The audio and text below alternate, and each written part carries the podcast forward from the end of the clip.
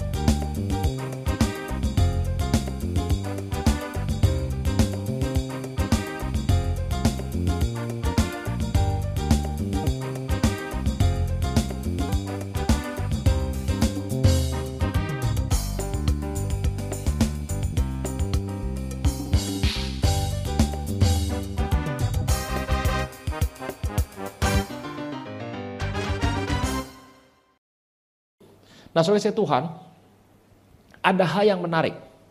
Sebelum kita mulai lebih lanjut, uh, ini kan ada pria dan wanita nih. Jadi saya bicara pada pria dulu, habis itu bicara pada wanita. Yuk, uh, dasarnya ada 1 Korintus 11, Anda sudah lihat itu. Ayat yang pertama saya kata, bacakan dulu. 1 Korintus 11 ayat yang pertama, jadilah pengikutku sama seperti aku juga menjadi pengikut Kristus. Aku harus memuji kamu sebab dalam segala sesuatu kamu tetap mengingat akan aku dan teguh berpegang pada ajaran yang terasa padamu tetapi aku mau supaya kau mengetahui hal ini, yaitu kepala dari tiap laki-laki ialah Kristus. Kepala dari perempuan ialah laki, dan kepala dari Kristus adalah Allah. Nah, sebagai Tuhan, yuk kita lihat sebetulnya apa yang harus dipersiapkan waktu seseorang itu e, masuk dalam masa pacaran, masa perkenalan untuk mencapai satu pernikahan. Oh, pernikahan. Kalau lihat Alkitab ya, Kitab PL dibuka dengan pernikahan di Taman Eden. Kitab Matius, kitab PB yang pertama dibuka dengan silsilah rumah tangga.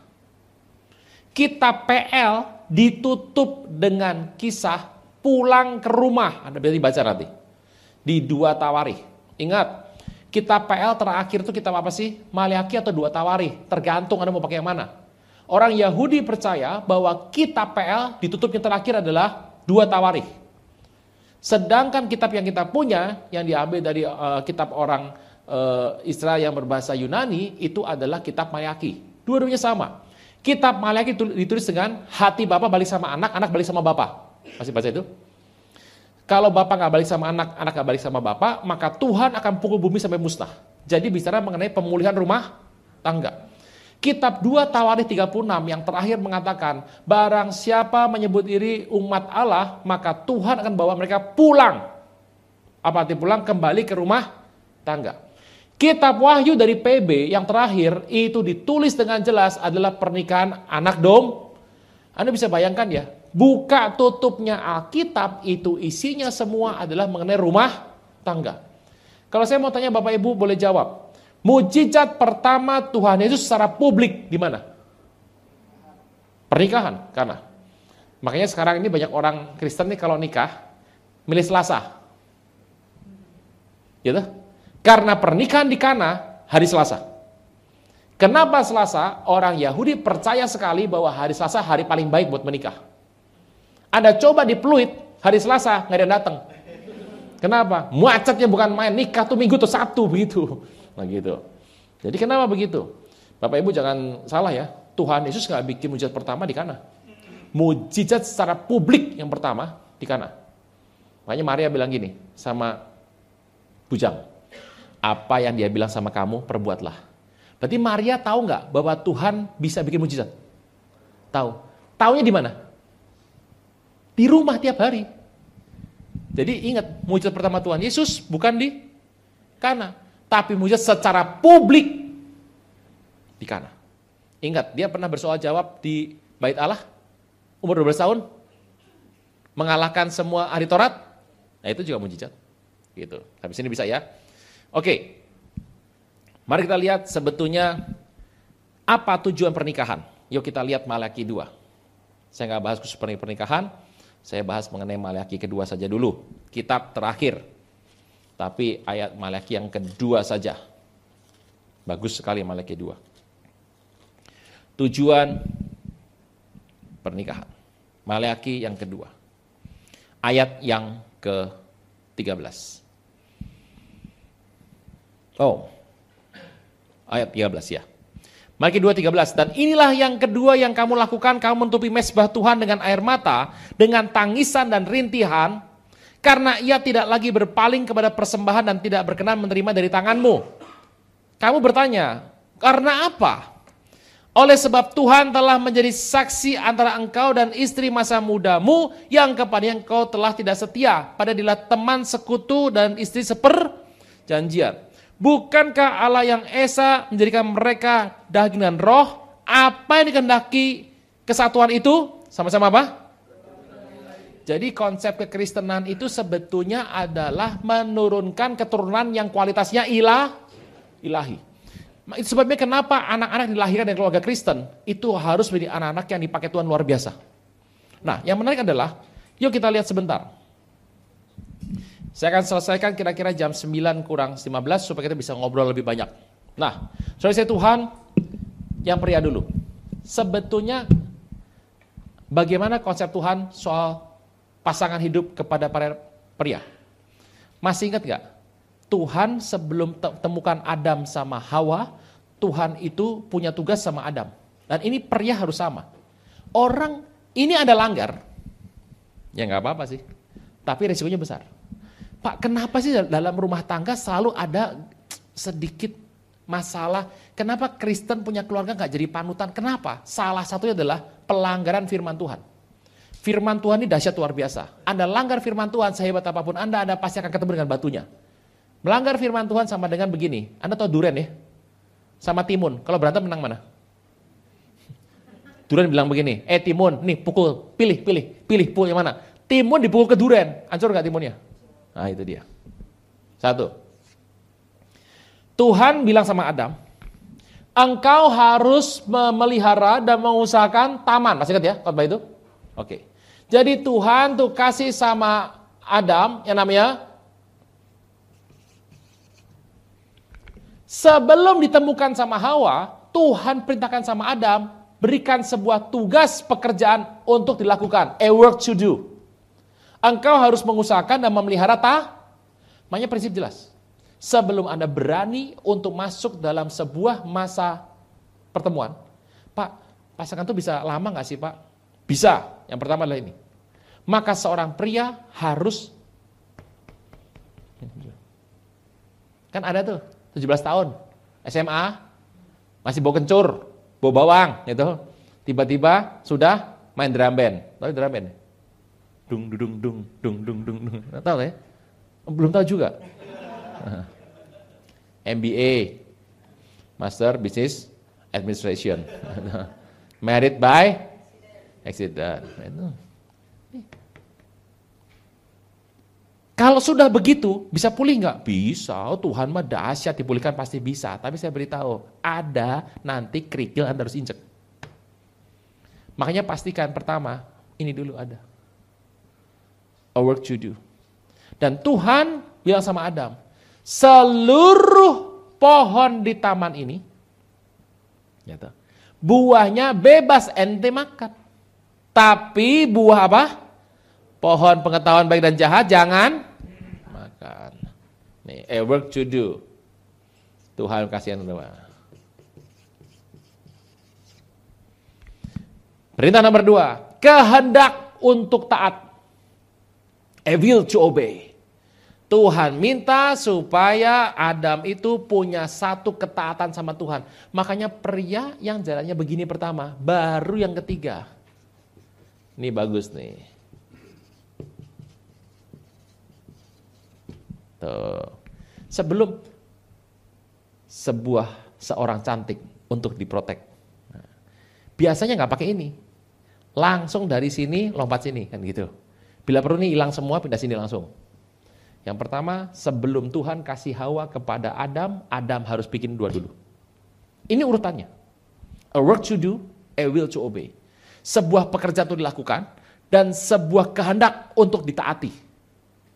Makanya penting para wanita. Eh ini apalagi ini kalau kalau udah usaha begini biasanya paling uh, seru di rumah pengambil keputusan adalah mami, calon mami mertua. Uh, cerewet.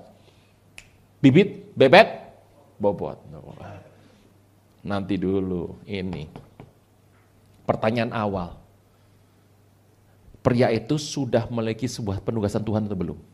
Ini nggak bisa dijawab dengan sebuah hal biasa. Si prianya yang harus menjawab sendiri. Ini kalau mertua nanya begini susah. Gitu. Bisa ini? Sudah kerja apa kamu? Hidup saya nggak khawatir om. Enggak, maksudnya kamu kerja di kantor mana?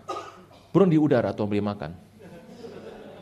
Bunga di padang, dia si Tuhan lebih indah daripada Salomo. Enggak, maksudnya kamu kalau bangun pagi, kan pergi terus pergi. Itu ke mana tuh? Tiap bulan makannya gimana? Kekhawatiran tidak menambah seinci lagi kehidupan. Ada tuh jawabannya, nganggur tuh orang.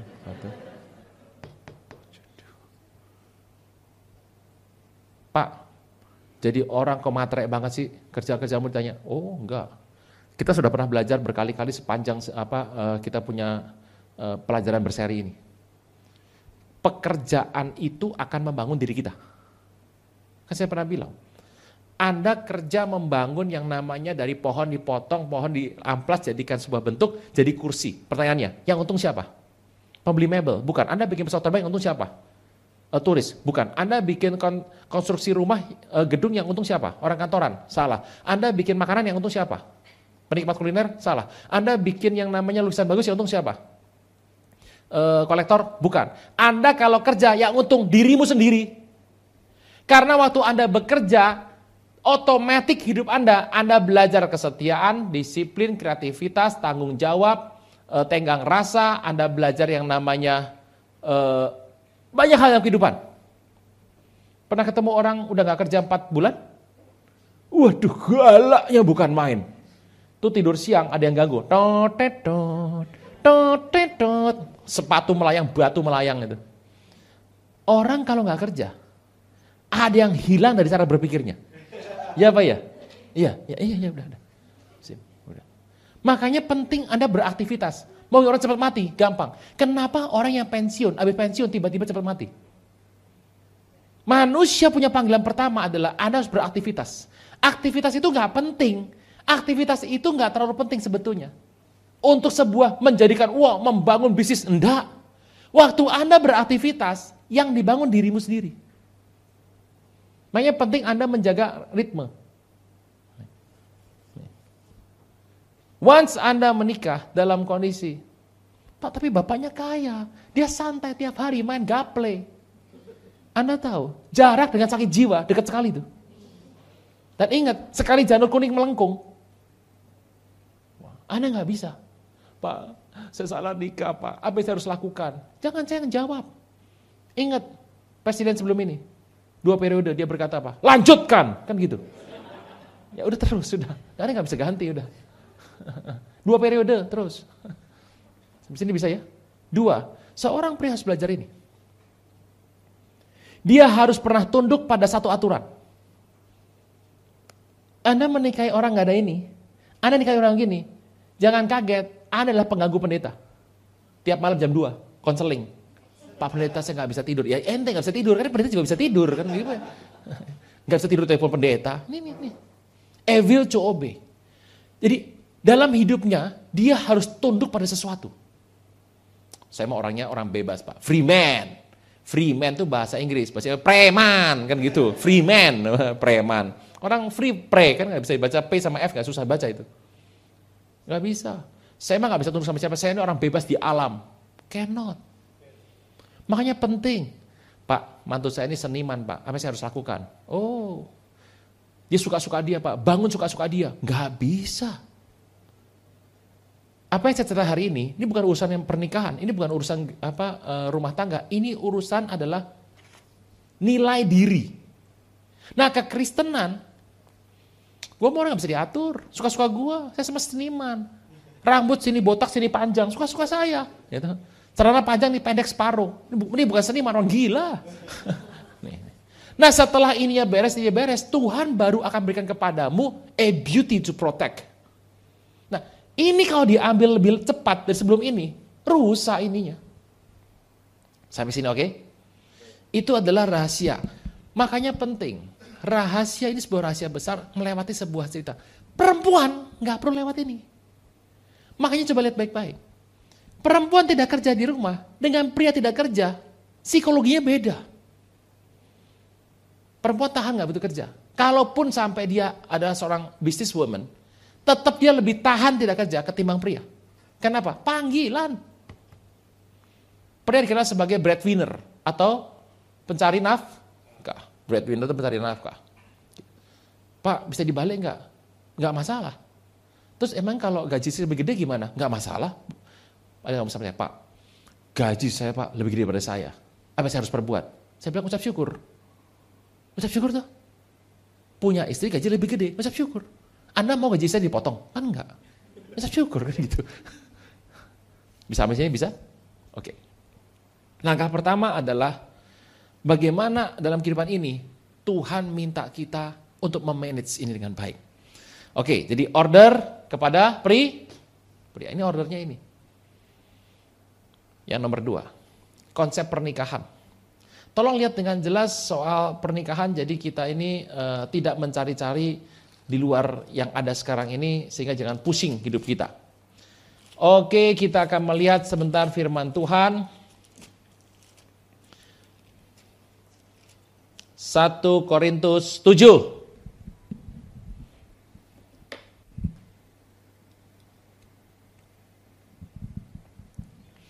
Pak, saya ini mau tahu.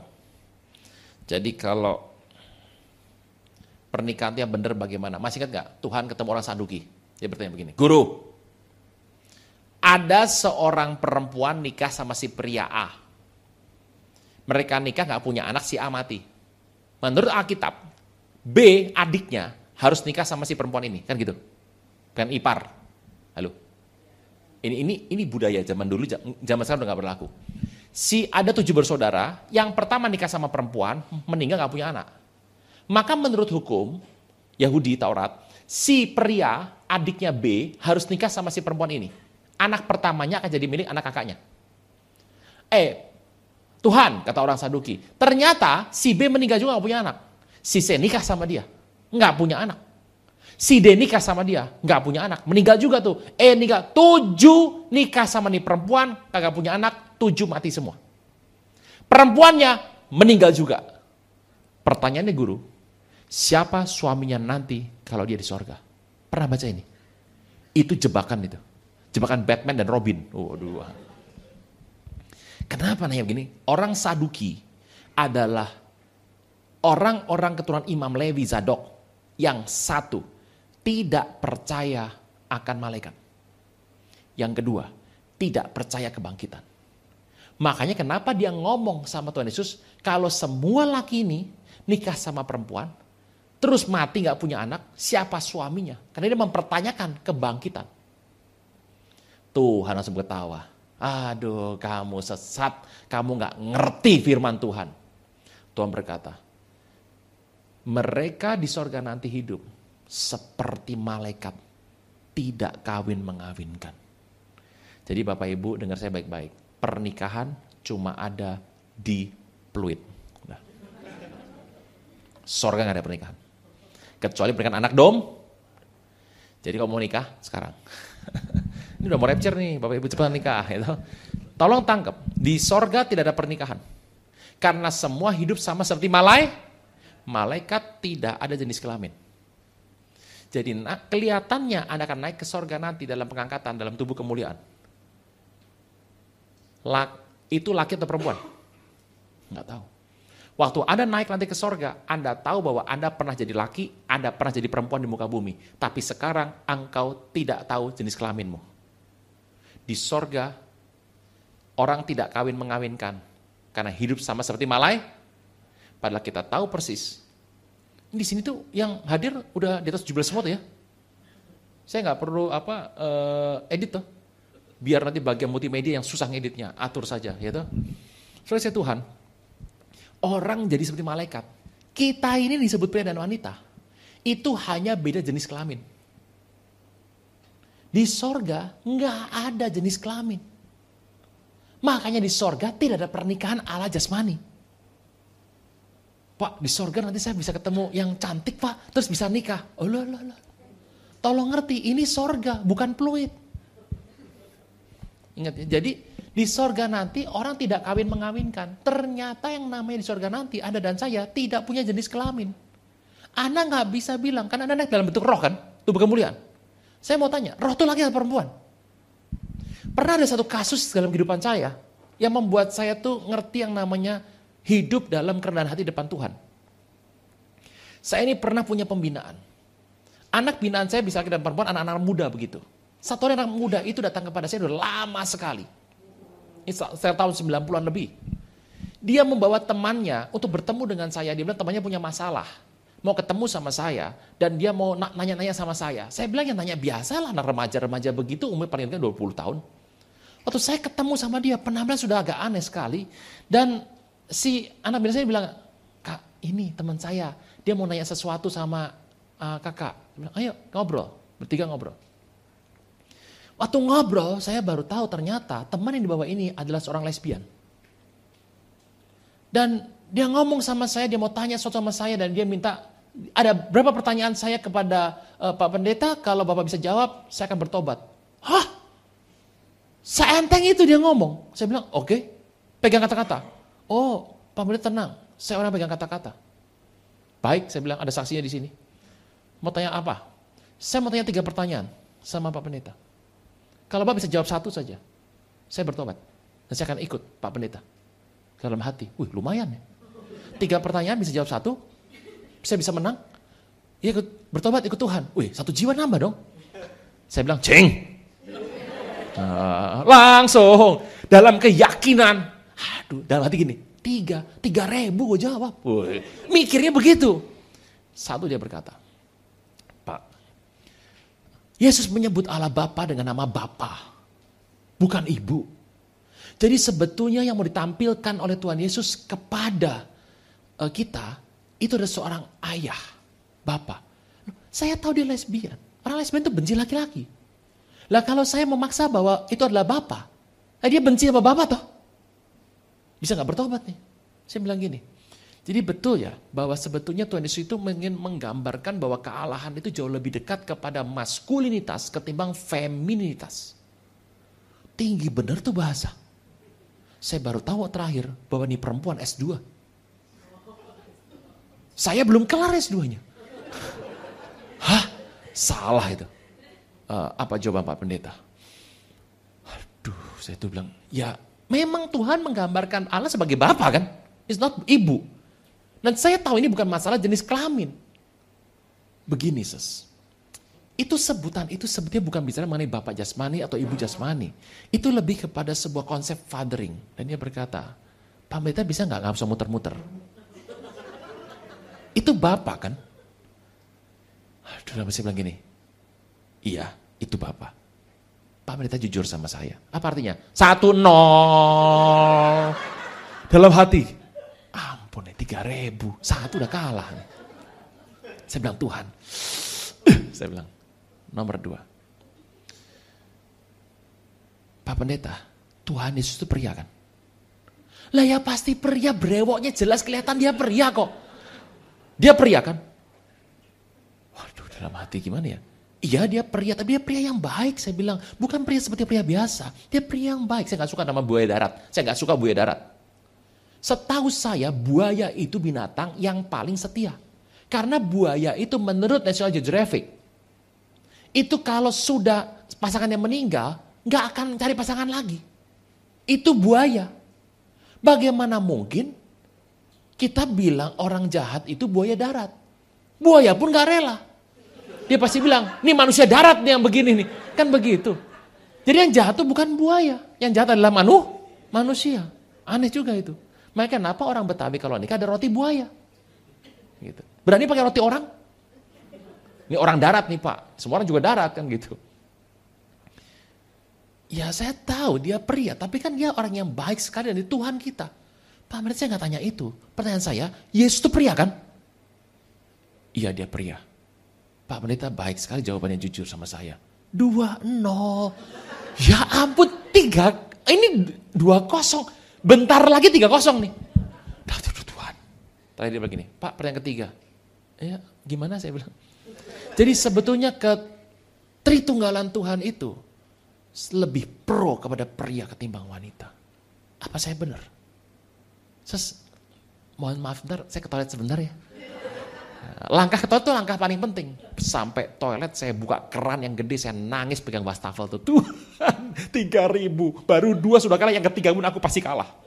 Aduh Tuhan, ampuni hambamu, samu, saya cerita semua cerita. Sambil jongkok, berdiri. Kan, kan pakai wastafel, supaya kalau di mata, mata kita merah gak ketahuan gitu loh, pakai air. Begitu saya jongkok. Bilang Tuhan ampuni saya.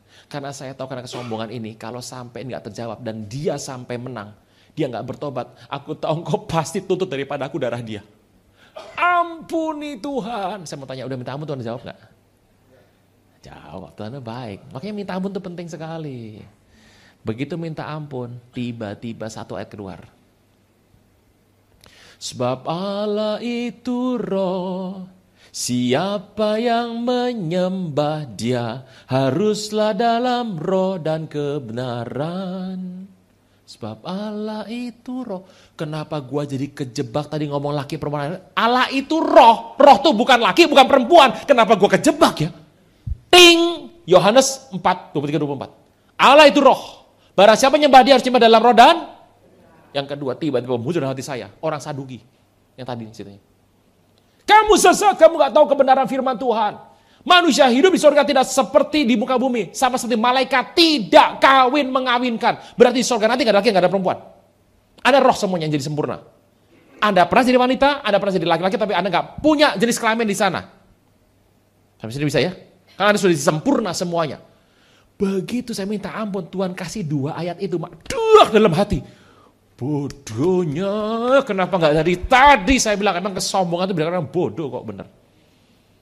Banyak orang bodoh zaman sekarang? Banyak. Yang suka makan micin kebanyakan tuh loh. Nah, kenapa makan micin kebanyakan? Sombong. Gitu. Mau bijaksana baca firman, bukan makan micin. Ditambah vetsin, tambah moto, diaduk gitu. Saya, aduh Tuhan ampuni hambamu. Lap muka, keluar. Sudah bisa ada jawabannya Pak Pendeta? Ada. Saya bangkit diri. Sesetengah baik-baik.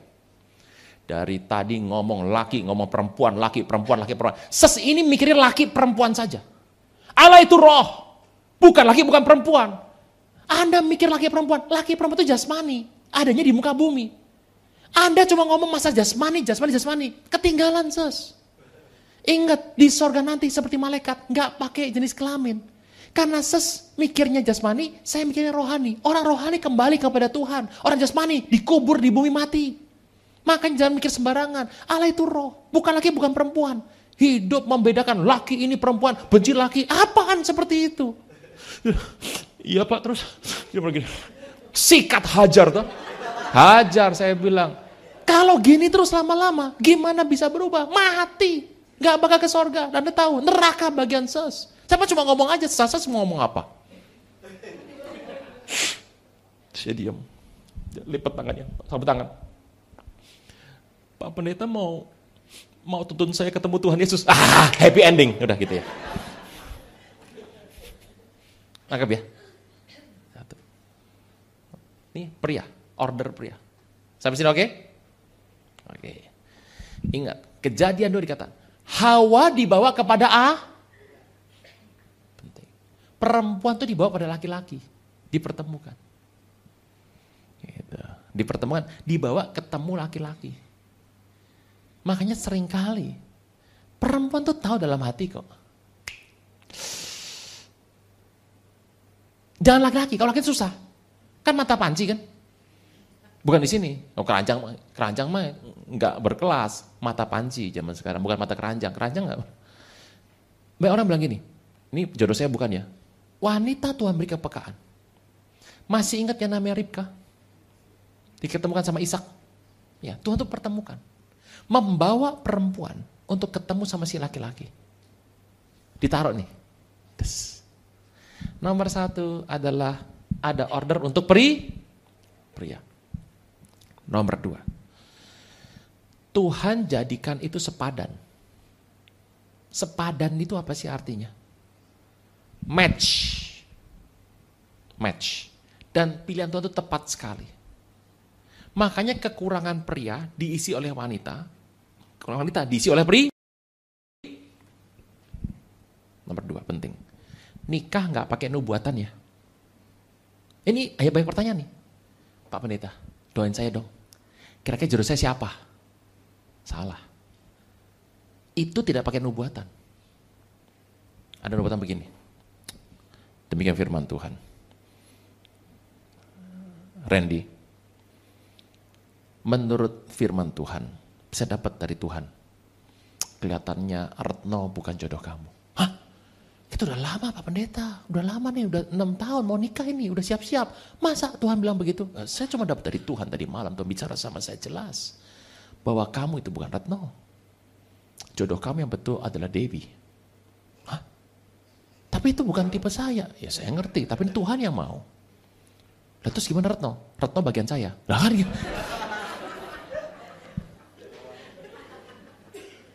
Amsal 18 ayat 22. Coba pelan-pelan kita akan gali. Amsal 18 ayat 22. Saya bacakan ya. Buka hati saja. Siapa mendapat istri, mendapat sesuatu yang dan ia dikenan. Berarti istri padanannya apa? Sesuatu. Wanita, saya tahu Anda dihargai oleh Tuhan, tapi tolong tangkapin sebentar. Alkitab mengatakan, barang siapa mendapat istri, mendapat sesuatu. Jadi perempuan itu levelnya adalah sesuatu. Thing. Benda. Waduh Pak, kok begitu banget? Ya. Alkitab bilang begitu. Adalah sesuatu. Makanya perempuan itu adalah hadiah. Makanya perempuan dengar saya baik-baik. Anda itu sebetulnya mau dikasih hadiah kepada siapa? Contoh, kalau si hadiah ini levelnya adalah emas, gasper dari emas, maka Anda cocoknya menjadi sebuah hadiah untuk seorang dengan level tertentu. Tapi kalau perempuan ini levelnya sandal cepit, maka dia akan mendapat kepada pria yang levelnya segitu juga. Jadi pertanyaan gampang saja, kalau Anda pengen mendapat suami yang baik menurut firman Tuhan ya, dan baik manusia sama Tuhan itu beda loh. Upgrade diri Anda. Karena kalau Anda itu levelnya permen, maka Anda cocoknya dapat anak kecil. Cupa-cup. Bisa nangkap ini? Sesuatu. Jadi wanita itu diibaratkan sebuah hadiah. Barang siapa mendapat istri, mendapat reward. Jadi perempuan itu seperti hadiah. Laki-laki bagian yang mendapat hadiah. Jadi gampang saja. Anda kalau terima hadiah, itu kan sesuai level Anda tuh. Kalau Anda seorang direksi, Anda seorang manajer, ulang tahun, saya mau tanya, yang cocok hadiah apa? Anda sekantor nih, bos Anda direksi lagi ulang tahun, Anda mau kasih apa? Permen? Senda cepet? Ya tuh?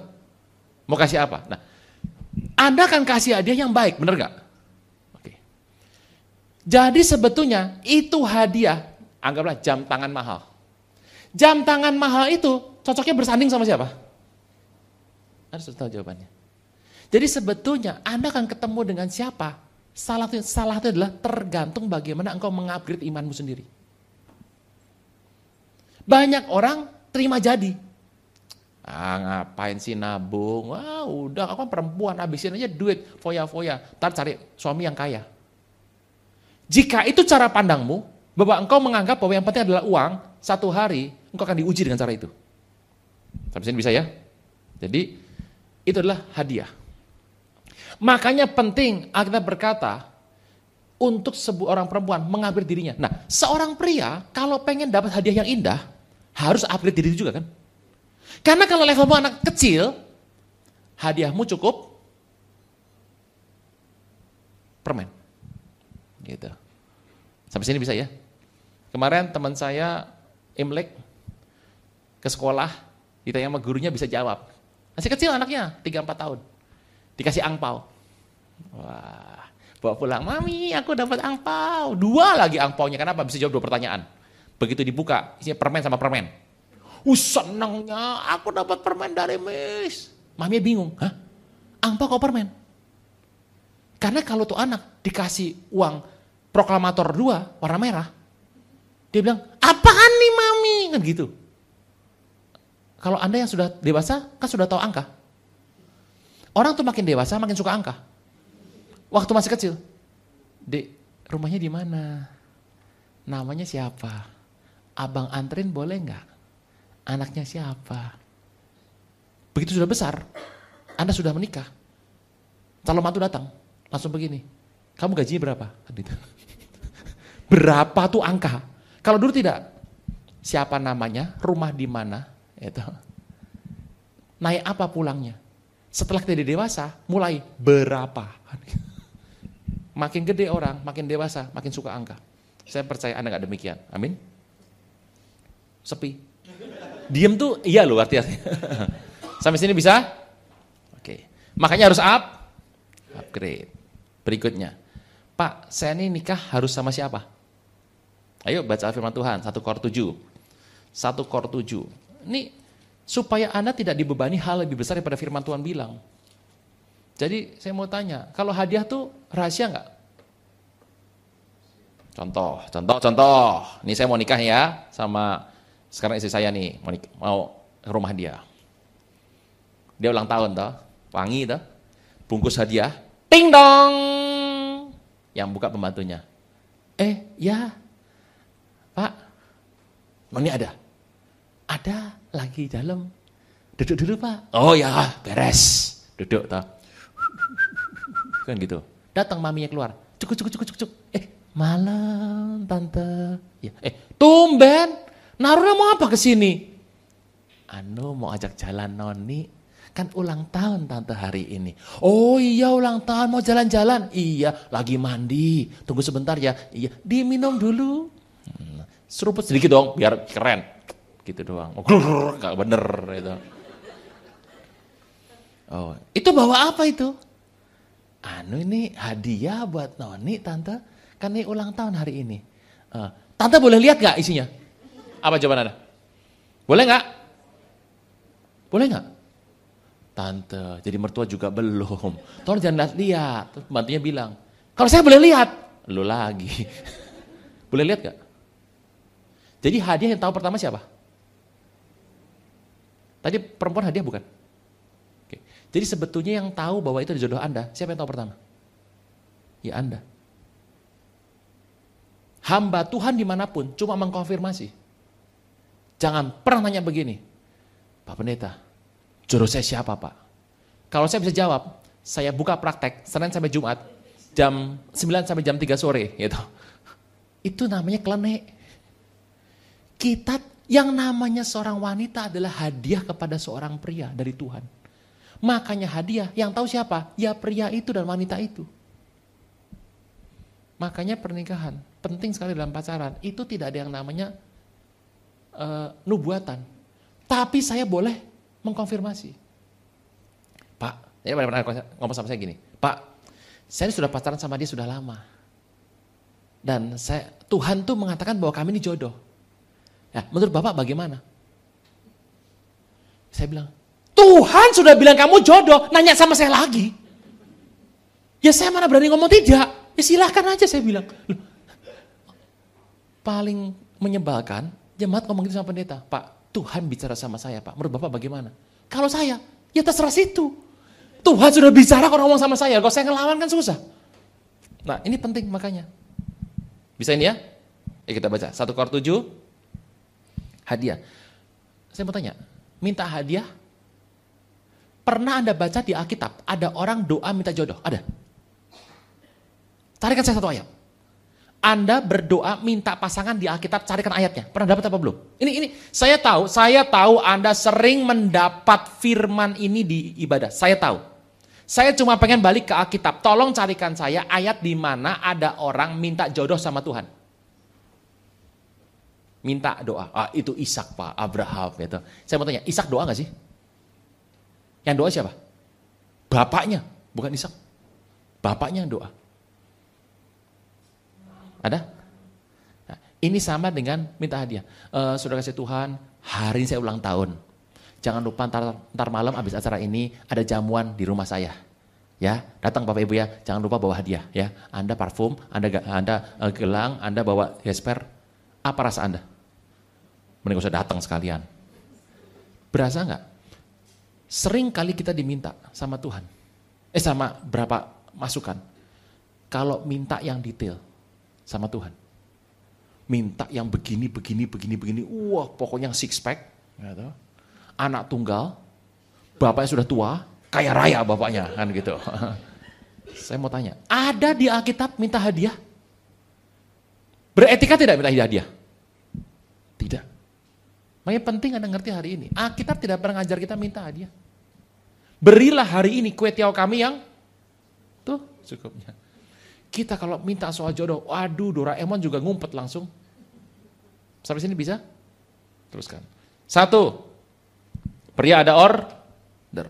Dua, tidak pakai nubuatan. Mengkonfirmasi bisa. Pak saya dapatnya dari Tuhan tuh seperti ini. Tapi saya nggak yakin. Bisa Bapak konfirmasi tidak? Ya, saya akan berdoa tanya. Gitu. Tiga. Teruskan, ayat 39. 1 Kor 7 ayat 39. Istri terikat selama suaminya hidup. Pernah baca itu?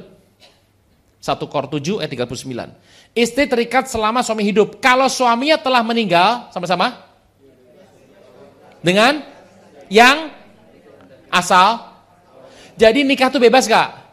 Anda bebas untuk kawin dengan yang Jangan nikah sama orang yang Anda nggak suka.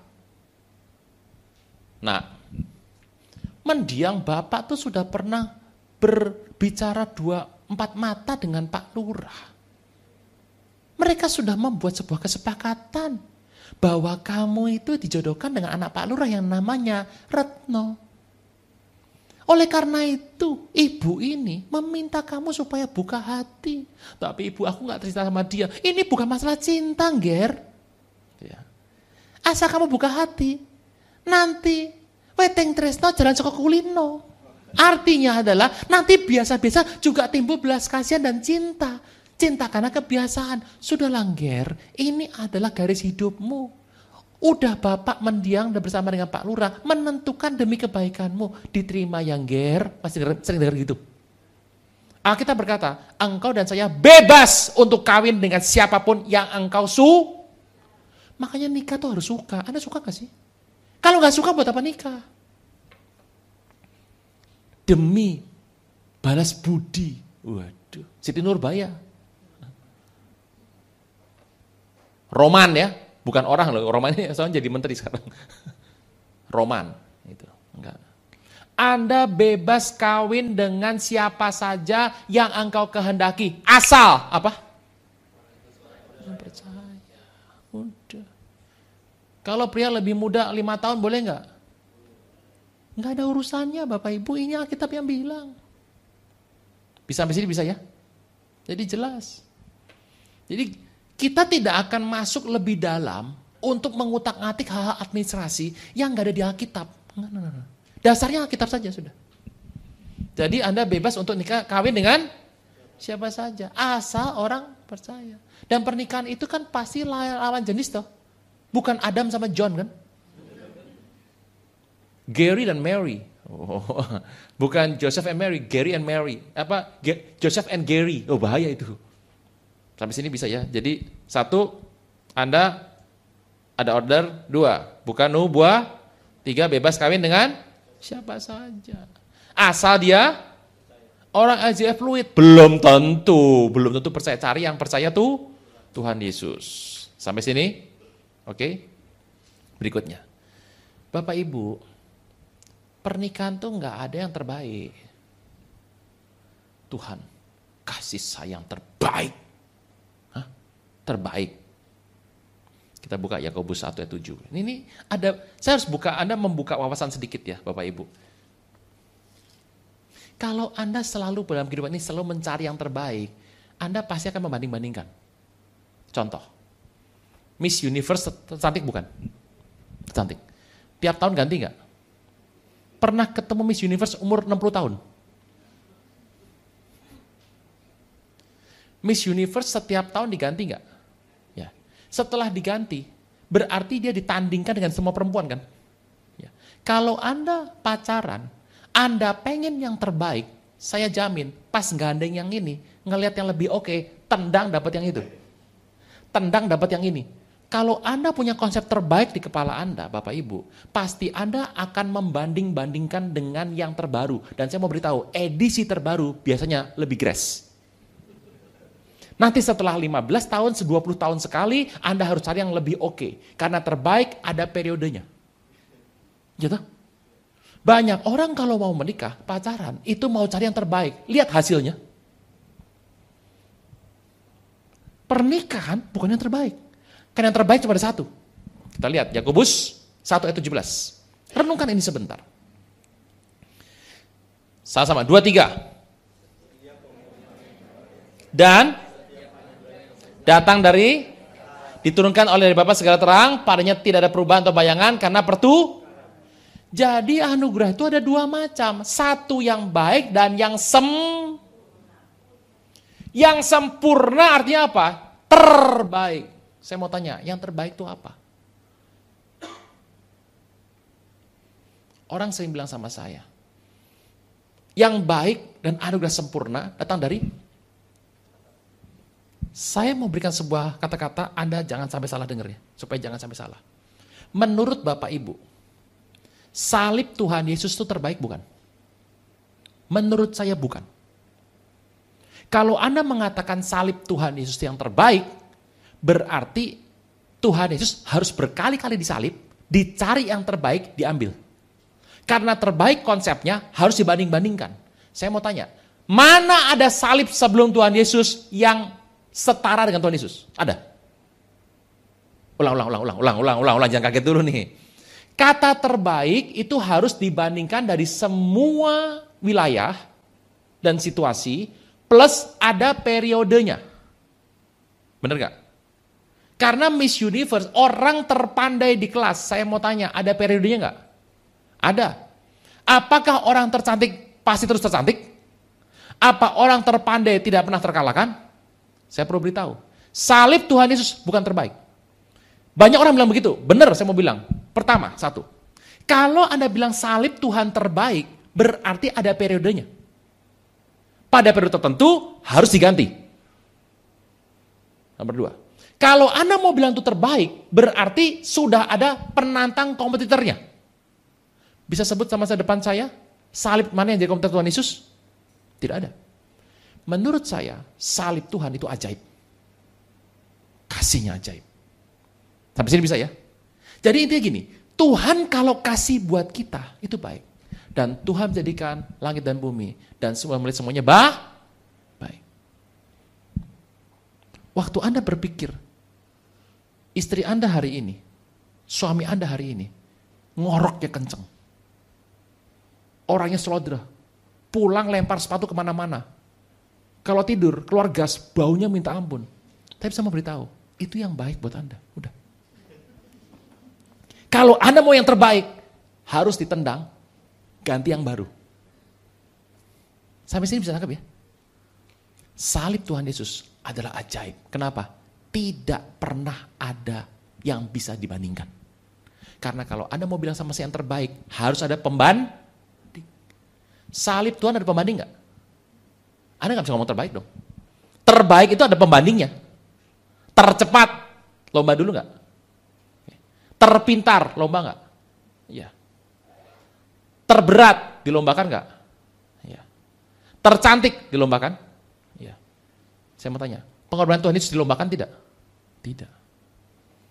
Itu anugerah sempurna Tuhan. Saya bisa anggap ya? Kebiasaan kita, Pak, saya mau yang terbaik daripada Tuhan. Kalau Anda bilang yang terbaik daripada Tuhan, setiap ke mall ketemu orang lebih ganteng, Anda goyah tuh. Kok lebih ganteng ya? Berarti ini dong. Dapat yang ini. Kok lebih ganteng ya? Anda kalau begini terus, hidupnya lama-lama tidak akan mengerti sebuah rencana Tuhan. Cari itu yang baik. Sampai sih bisa? Stres semua, stres. Cari yang baik. Pernah ketemu nggak? Anda ketemu sama pasangan lagi jalan, yang pria ganteng, yang perempuan biasa, atau yang perempuan cantiknya luar biasa, yang lakinya biasa, yang gitu. Kok mau ya? Perempuan cantik begitu sama laki model begini. Pernah dengar ya? Jarang loh. Laki ganteng, perempuan cantik nikah tuh jarang yang bukan main. Yang paling banyak jelek sama jelek. Kenapa bisa begitu? Karena Tuhan adil sama orang jelek. Makanya udah. Karena laki itu bagi si perempuan, dia baik. Sampai sini bisa ya? Konsep ini berarti dalam kehidupan kita, kita tidak bisa membanding-bandingkan. Yang namanya pasangan, Anda mau banding-bandingkan. Kalau Anda mau banding-bandingkan, saya beritahu, tidak akan pernah langgeng dalam hidup. Terima dia sebagai yang bah, baik. Oke, Pak, kapan saya bisa mulai untuk memulai sebuah hubungan? Amsal 24. Amsal 24.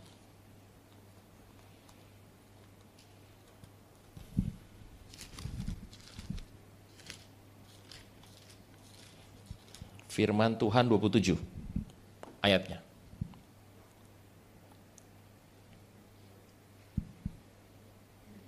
Dua tiga.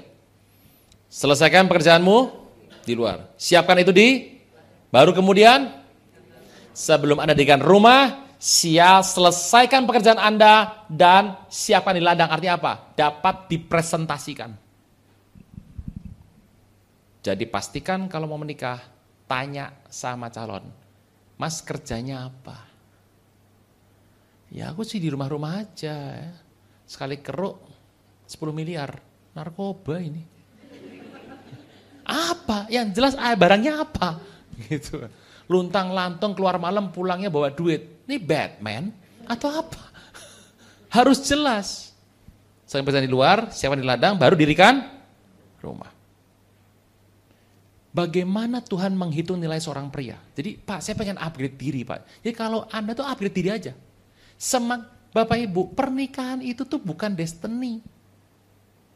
Tuhan dari awal sudah tentukan. Si Andi akan menikah sama si Rina. Wah, aram melintang, asam di gunung, garam di laut, ketemu di mangkok soto. Wah, kue tiaw. No. Yang namanya pernikahan itu progresif. Pacaran itu progresif. Contoh, Tuhan bilang sama Andi, Andi, kamu sudah melayani saya. Imanmu sudah sepuluh.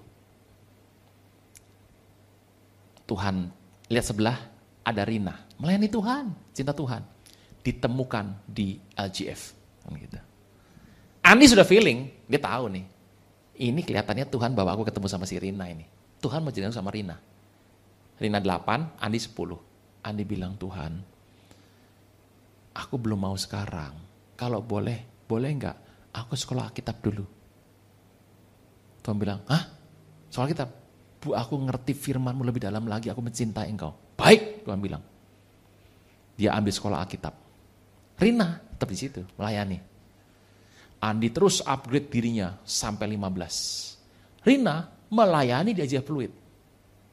Rohaninya 13. Ditemukan lagi waktu acara Natalan. Ya. Andi pas pulang sekolah tinggi teologi, pendetanya bilang, saudara, masih ingat nggak sama ini anak youth ini? Sudah jadi pendeta, STH sekarang, ayo beri kemuliaan. Eh yang main keyboard, Rina. Lirik, eh, temanku Rina. Dia udah feeling dalam hati. Ini pulang, bareng, tembak, pasti kena ini.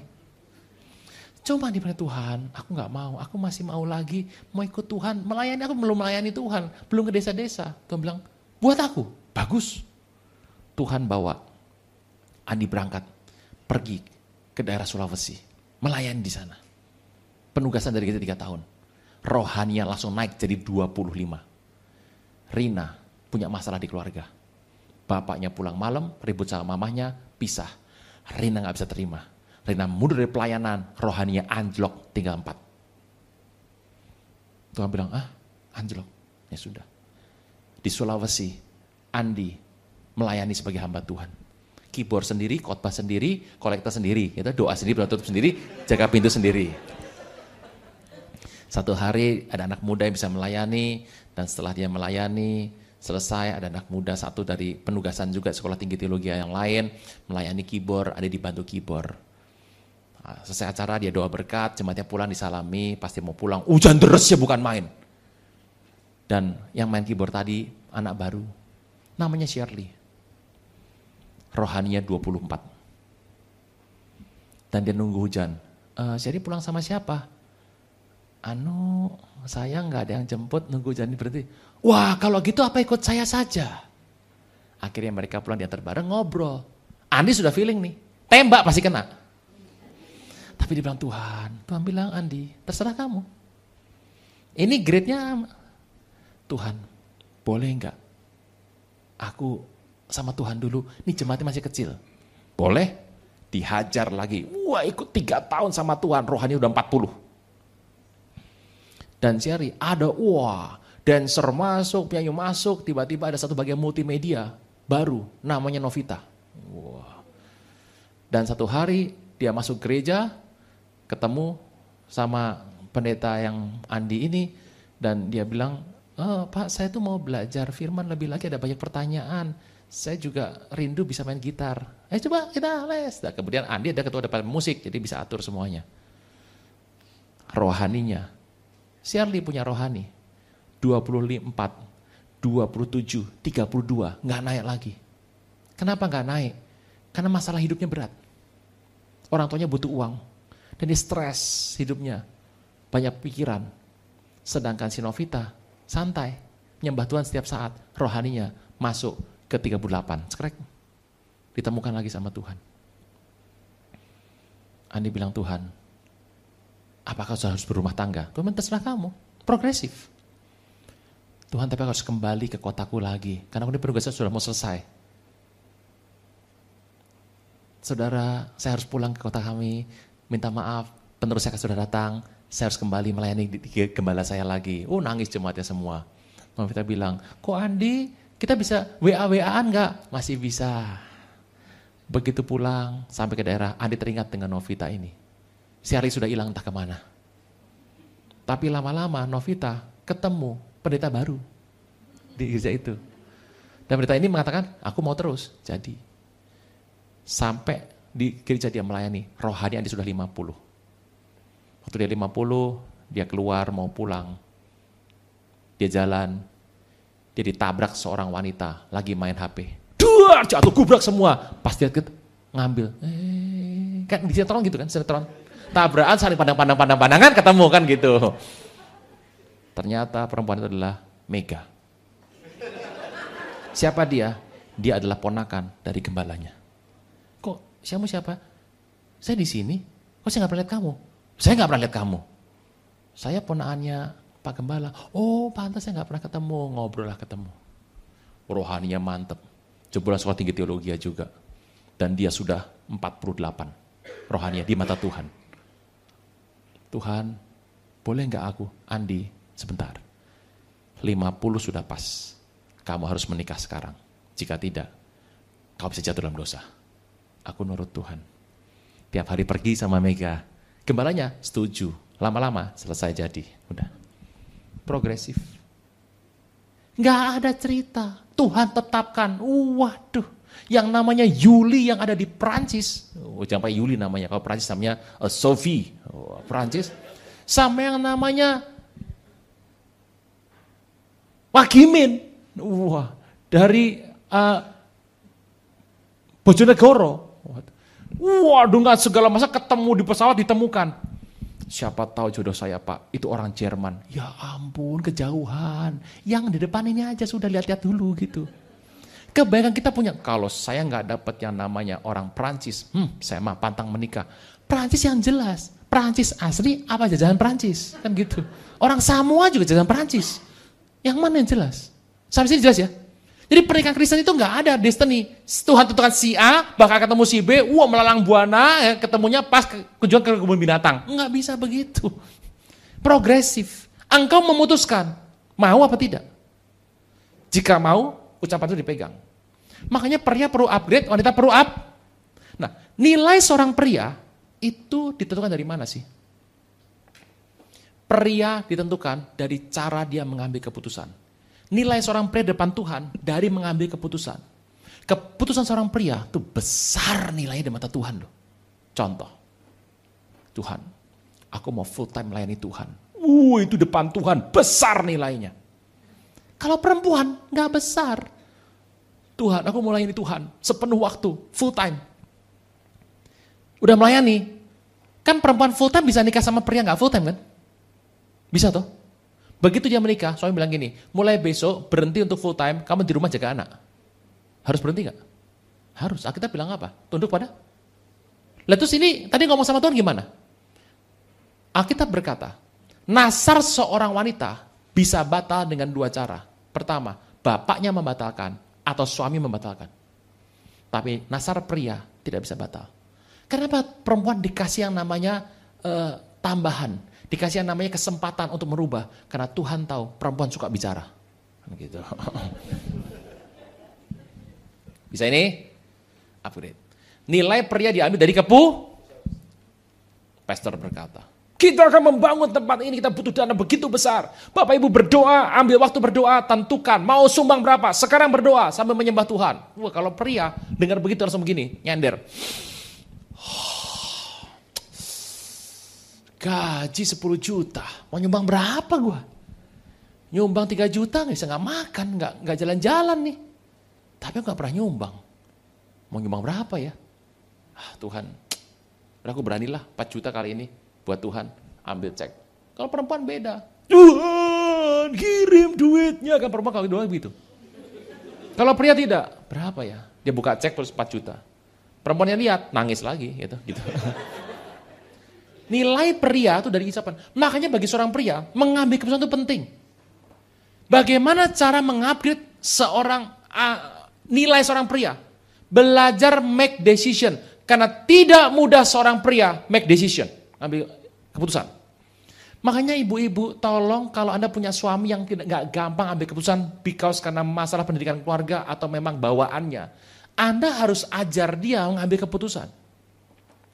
Salah satu problem rumah tangga besar adalah pada saat si pria tidak bisa mengambil keputusan atau tidak berani ambil keputusan. Ajar dia untuk ambil keputusan. Misalnya begini. Sayang, makan apa nih kita sore ini? Gitu. Kalau jawaban kacau begini, terserah. Nah, itu mah bubar udah. itu stadium pertama tuh udah. Ya kita langsung makan steak toh seperti biasa. Kamu gak pura-pura bego gitu. Ayo makan. Oh iya iya iya iya iya. Itu cara salah. Kalau Anda pengen makan bakso bilang gini. Ya terserah mas aja. Ya aku juga bingung nih. Gini. Ada bakso. Ada nasi goreng. Ada kue tiaw. Ada yang namanya sop. Tapi kalau kamu bawa aku makan bakso, aku lebih cinta deh. Itu artinya menghimbau. Oh bakso ya? Ya udah jalan bakso. Biar dia ngambil keputusan. Anda cuma kasih alternatif. Kalau nggak sadar juga, kasih sina, signal. Nggak bisa. Bakso. Gitu. Kita mau ke mana nih? Jalan-jalan. Pergi ke mana? Batu Raden. Kita udah tiap tahun ke sana. Nggak nurut lu. Nilai seorang pria diambil berdasarkan kualitas keputusannya. Makanya ambil keputusan nggak gampang buat pria. Makanya ajar untuk mengambil keputusan. Karena wanita sebagai penuh, tapi wanita nilai mengambil keputusannya tidak besar. Makanya kalau perempuan berkata, aku pengen full time, bisa berhenti nggak? Bisa. Bisa keluar nggak? Bisa. Apa? Tergantung suaminya. Keputusan wanita itu gak akan panjang. Bisa diubah. Apa masalah utama wanita? Yuk kita lihat sebentar firman Tuhan. 1 Petrus 3 ayat 4. Oh bilangan 30 cerita soal Nasar. Perempuan itu bukan pengambil keputusan. 1 Pet 3 ayat 4. 2, 3. Apa nih? Depan ada nih. Udah usah dibuka-buka, di depan ada nih. 2, 3. Yang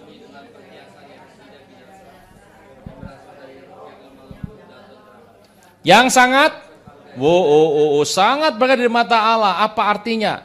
Wanita itu nilainya di mata Allah bukan berdasarkan keputusannya, tapi berdasarkan kualitas rohaninya yang lemah lembut dan tentram. Ini paling susah wanita nih. Gak gampang. Lemah lembut itu artinya not to be provoked. Tentram artinya not to provoke. Lemah lembut itu tidak terprovokasi tentram, tidak memprovokasi. Perempuan paling berat ini. Berat buat perempuan, tidak terprovokasi. Ibadah masuk duduk. Anda datang ke pagian, duduk. Duduk. Belum, belum ada doa. Ibadah mau mulai, lewat di belakangnya. Perempuan tinggi semampai, rambutnya berkibar, ini artinya berkibar, wangi, lewat. Lenggok sampai peragawati. Cuma begini dong. Sombong. Cuma lewat. Cuma lewat. Cuma lewat.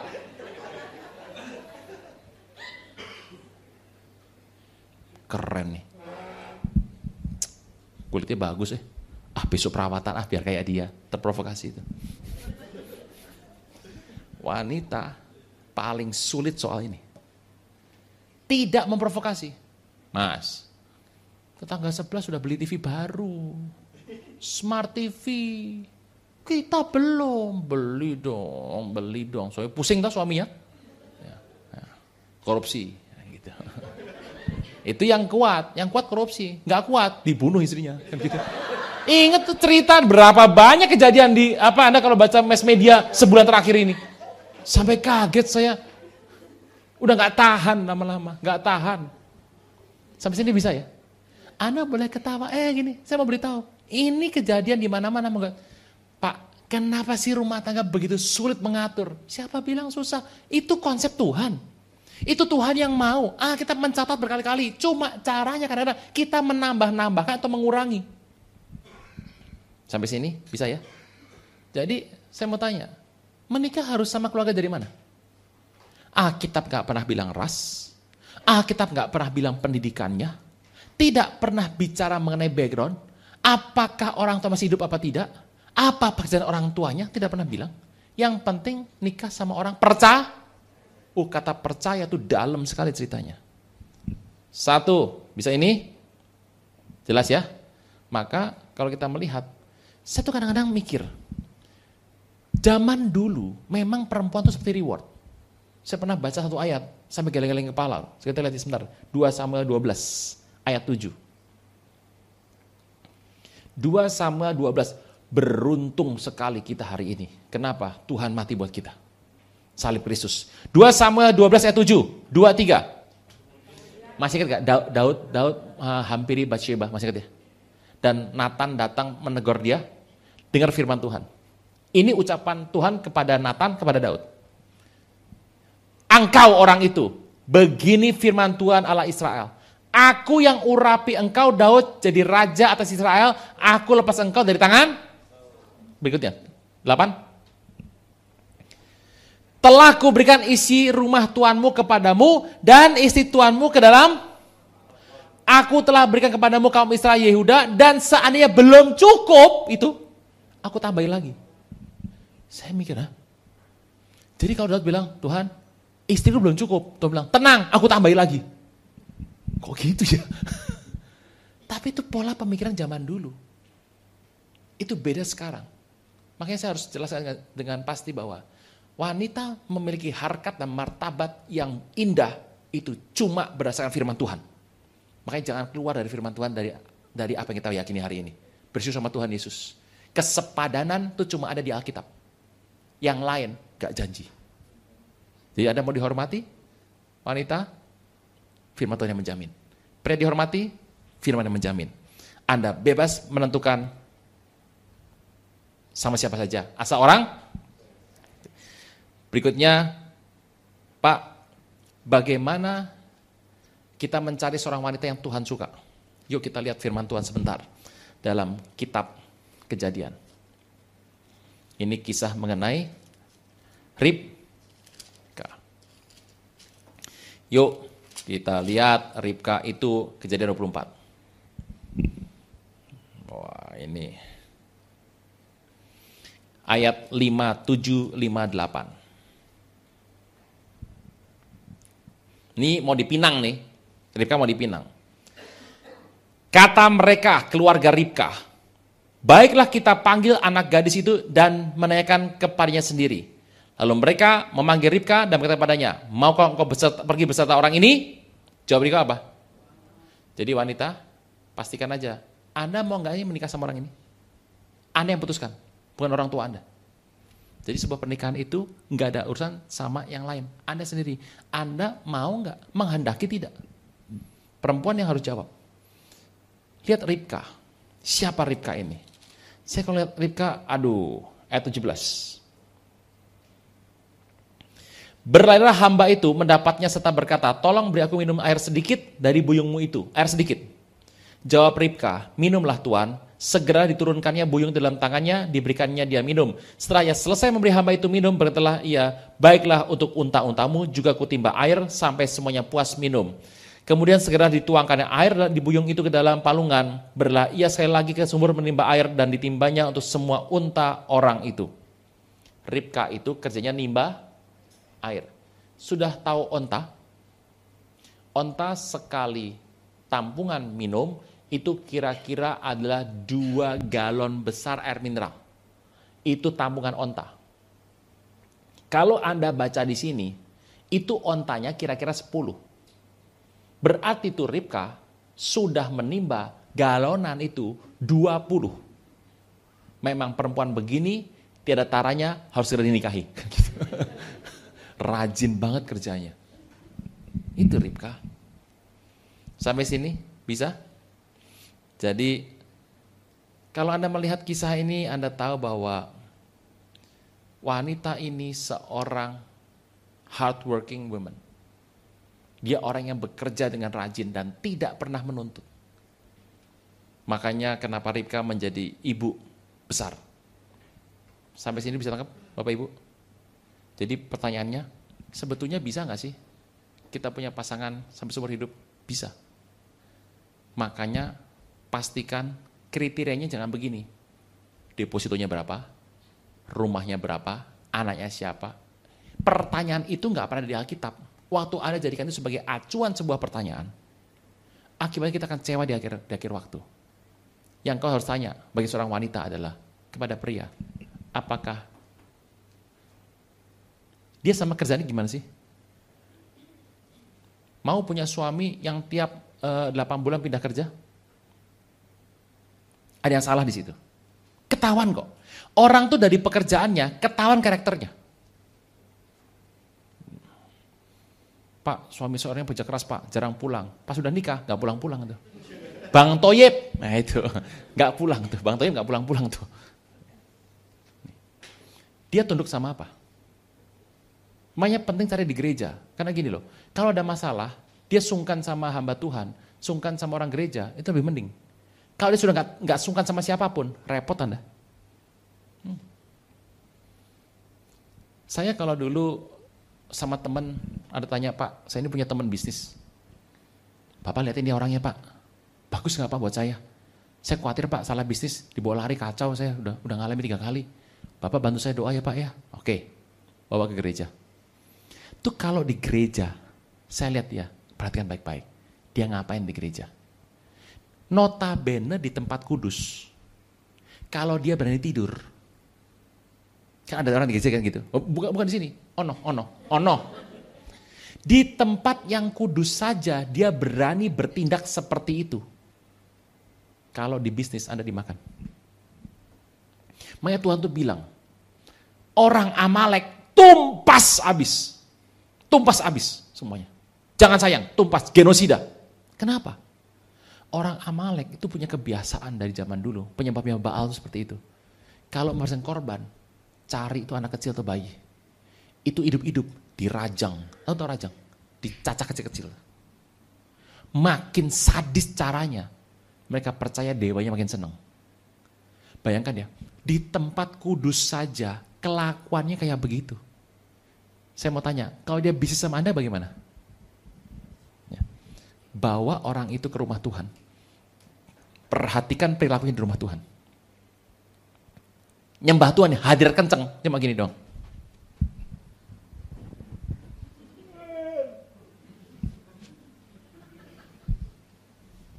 rumah Tuhan hadirat kenceng, dia cuma begitu. Saya beritahu, hari Anda bisnis sama dia, Anda pasti dimakan. Gak takut Tuhan tuh? Di tempat kudus aja dia gak takut Tuhan. Gimana di bisnis? Serem itu. Sampai sini oke, bisa nangkap ya? Sama. Sampai sini bisa? Baru terakhir yang ini. Saya itu dulu, saya lempar ke uh, jemaat dulu. Ada yang bertanya sesuatu? Silahkan.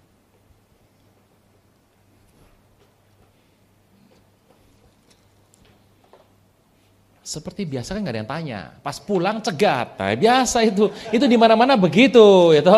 Oke. Ya. Silakan. Ya. Betul. Uh, ada mic tidak atau oh, bentar ada mic.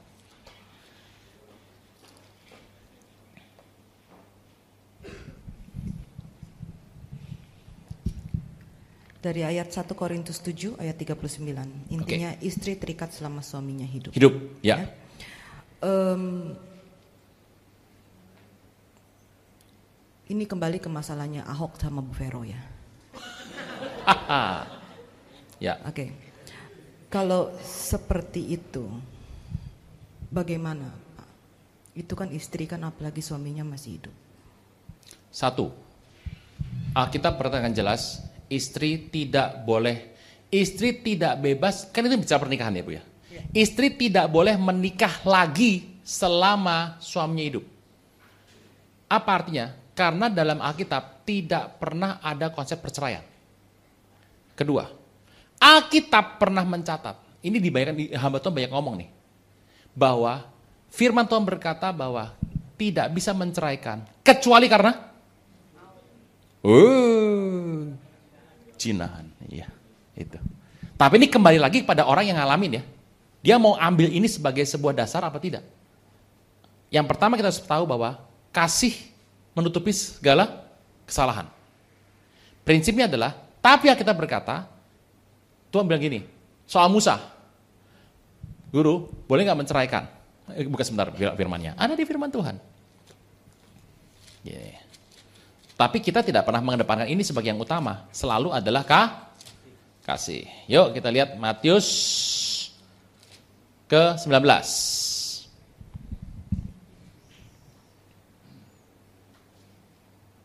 Ayat 9, ayat 8. Kata Yesus pada mereka, karena keterahan hatimu, Musa mengizinkan kamu menceraikan istrimu, tapi sejak semula tidaklah demikian. Tapi aku berkata kepadamu, barang siapa menceraikan istrinya, terus apa?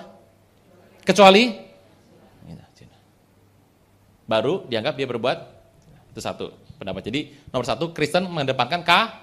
kasih. Kasih menutupi segala setiap kesalahan. Tapi ada dasar firman ini. Artinya ini adalah sebuah pengecualian. Tapi bukan menjadi dasar utama. Kedua, saya harus sarankan satu hal sama Bapak Ibu. Hidup harus balance. Ada suami, dipakai Tuhan luar biasa, fine. Pulang ke rumah. Saya ini hamba Tuhan. Ini kalau saya pulang, kalau saya di rumah, angkat yang nam, saya, sayang, boleh nggak bantuin aku tata meja? Saya tata meja loh. Saya bisa ngomong loh, e, sorry, mau pelayanan, saya harus doa dulu sama Tuhan. Bisa nggak? Bisa. E, sayang, aku lagi butuh, saya lagi ada, di, saya di rumah, sore ada pelayanan, saya pagi nggak ada acara. Sayang, boleh nggak anterin aku untuk beli sesuatu? Saya mau tanya, kalau bukan saya nganterin, siapa yang nganterin? Saya harus anterin. Capek saya pernah pulang jam 2 subuh. Istri bilang gini, sayang besok aku mau ke dokter, aku takut sekali. Tenang, saya nganterin. Saya bisa batalin acara tuh. Saya mau tanya, Bapak Ibu harus jawab saya. Urutan yang protes pertama, siapa? Masa masih, siapa ya? Dewa, Dewa dapur. Siapa? Tuhan, nomor dua. Keluarga, keluarga, bukan pekerjaan. Keluarga, nomor dua. Ini ini harus balance, harus balance. Jadi ada sisi dari dua pihak ya, harus dari dua pihak. Gitu. Saya kalau istri udah bilang gini, aku nggak serak deh. Oke oke. Kita doa, saya ngomong lagi sama kamu, saya akan jelaskan lengkap sampai kamu serak. Dia belum serak juga. Sayang, harus serak. Kalau kita nggak serak, sepakat engkau akan minta apa pun dijawab Tuhan. Sepakat. Udah serak belum? Serak tuh macam-macam. Karena kurang pengetahuan bisa nggak serak, benar nggak? Saya kasih info yang banyak semua, ini risiko segala macam. Kamu serak nggak? Nggak serak. Ya udah, nggak jadi. Bapak Ibu saya ini, saya ini ngajar dosen di banyak tempat. Ngajar di banyak tempat. Dulu. Dan saya nggak perlu sebutkan, eh, di banyak tempat, Anda boleh sebut universitinya, saya ada di sana biasanya. Satu hari setelah menikah, istri ngomong gini, sayang, kamu kan sibuk sekali ya, mau dikurangin. Ya yuk kita kurangin. Ini daftarnya, kamu jangan ngajar tempat-tempat yang nggak jelas lagi deh, yang kayak model ruko-ruko gitu, nggak jelas, komitmen nggak jelas, coretin ya, coretin. Masih kebanyakan sayang, aku tahu kebanyakan udah capek. Akibatnya apa? Aku tuh kalau di rumah sendirian tuh nggak enak. Ya udah coretin. Nih sisanya ada sekian doang. Mana lagi? Yang ini coretin ya. Kenapa yang ini? Gini, di universitas itu banyak mahasiswi-mahasiswi yang istri itu paling tahu lagi. Nggak gitu. Allah ibu-ibu pada nggak tahu gitu lah. Yang ada ada yang suaminya nih, nih lewat yang lain, ini santai. Tapi ada yang pas dia lewat, dia langsung gini pegang suaminya kenceng-kenceng. Refleks. Dia tahu yang suaminya doyan yang dulu yang kayak apa. Istri paling tahu biasanya. Jangan, ngomong sekarang, nanti ribut. Ngomong itu. Yang ini coret ya. Gajinya lumayan yang ini sayang. Kenapa coret? Aku nggak serak kalau kamu ke sana. Kamu nggak serak. Terus gaji gimana? Hanya kamu kamu nggak jelas. Ini harus balance. Tapi sayang, oke, okay, kalau aku nggak ke sini, kamu senang. Aku lebih tenang. Tapi kamu percaya tuh sama aku? Bukan masalah percaya, kan masalah serak, dia bilang. Susah dijelaskan. Oke, okay, sampai kamu serak, aku masuk lagi. Aku suruh ngomong apa sama orangnya? Kan kamu jago ngomong. Bikin alasan deh, atur. Aku nggak tahu apa-apa. Tapi kamu ini beneran nih? Enggak sih, terserah kamu sih. Cuma kalau boleh sih, tapi nggak mau maksa aku jadi nggak enak kalau maksa. Sepertinya Tuhan nggak suka kok kamu maksa-maksa. Ya udah, coret. Bapak Ibu, Anda dipakai Tuhan. Anda dipakai Tuhan. So, Anda harus balance. Apa pendapat istrimu sama Anda? Karena, waduh, saya kalau dilepas, nggak usah pulang Bapak Ibu, semua daerah saya akan layani. Tipikal saya, waduh tidur cuma 4 jam. Tapi saya tidak boleh membuat istri saya stres. Kalau orang perempuan nikah sama pria stres, pria salah. Udah gitu aja. Saya nggak mau bela siapa-siapa ya, ini Bapak Ibu tahu ya. Anda boleh hebat di bidang A, but Anda harus balance. This is family. Karena kalau sudah sampai ada apa-apa, panjang ceritanya nanti. Sampai sini Ibu ya. Jadi ini balance. Saya harus melihat dari dua sisi balance. Ya saya tahu lah, Anda kan yang penting pokoknya gini, kalau nggak banjir gue yang enak ya, ada yang enak memang enak ya gitu. anda harus balance, ini balance. Melihat dari dua sisi bahwa yang kita tahu di luar beritanya juga tidak terlalu nggak se nggak sedalam yang kita ngerti. Biarlah ini menjadi rahasia yang bersangkutan dan doa kita tetap bahwa yang terbaik Tuhan berikan. Satu lagi pertanyaan ya, monggo. ya. Tadi Amsal 18 ayat 22, Ya. siapa mendapatkan istri, Hmm. mendapat sesuatu yang baik dan Ya. ia dikenal Tuhan. Hmm. Di sini ditulis istri, bukannya istri-istri ya. Hmm. Jadi cuma satu istri. Satu. Oke.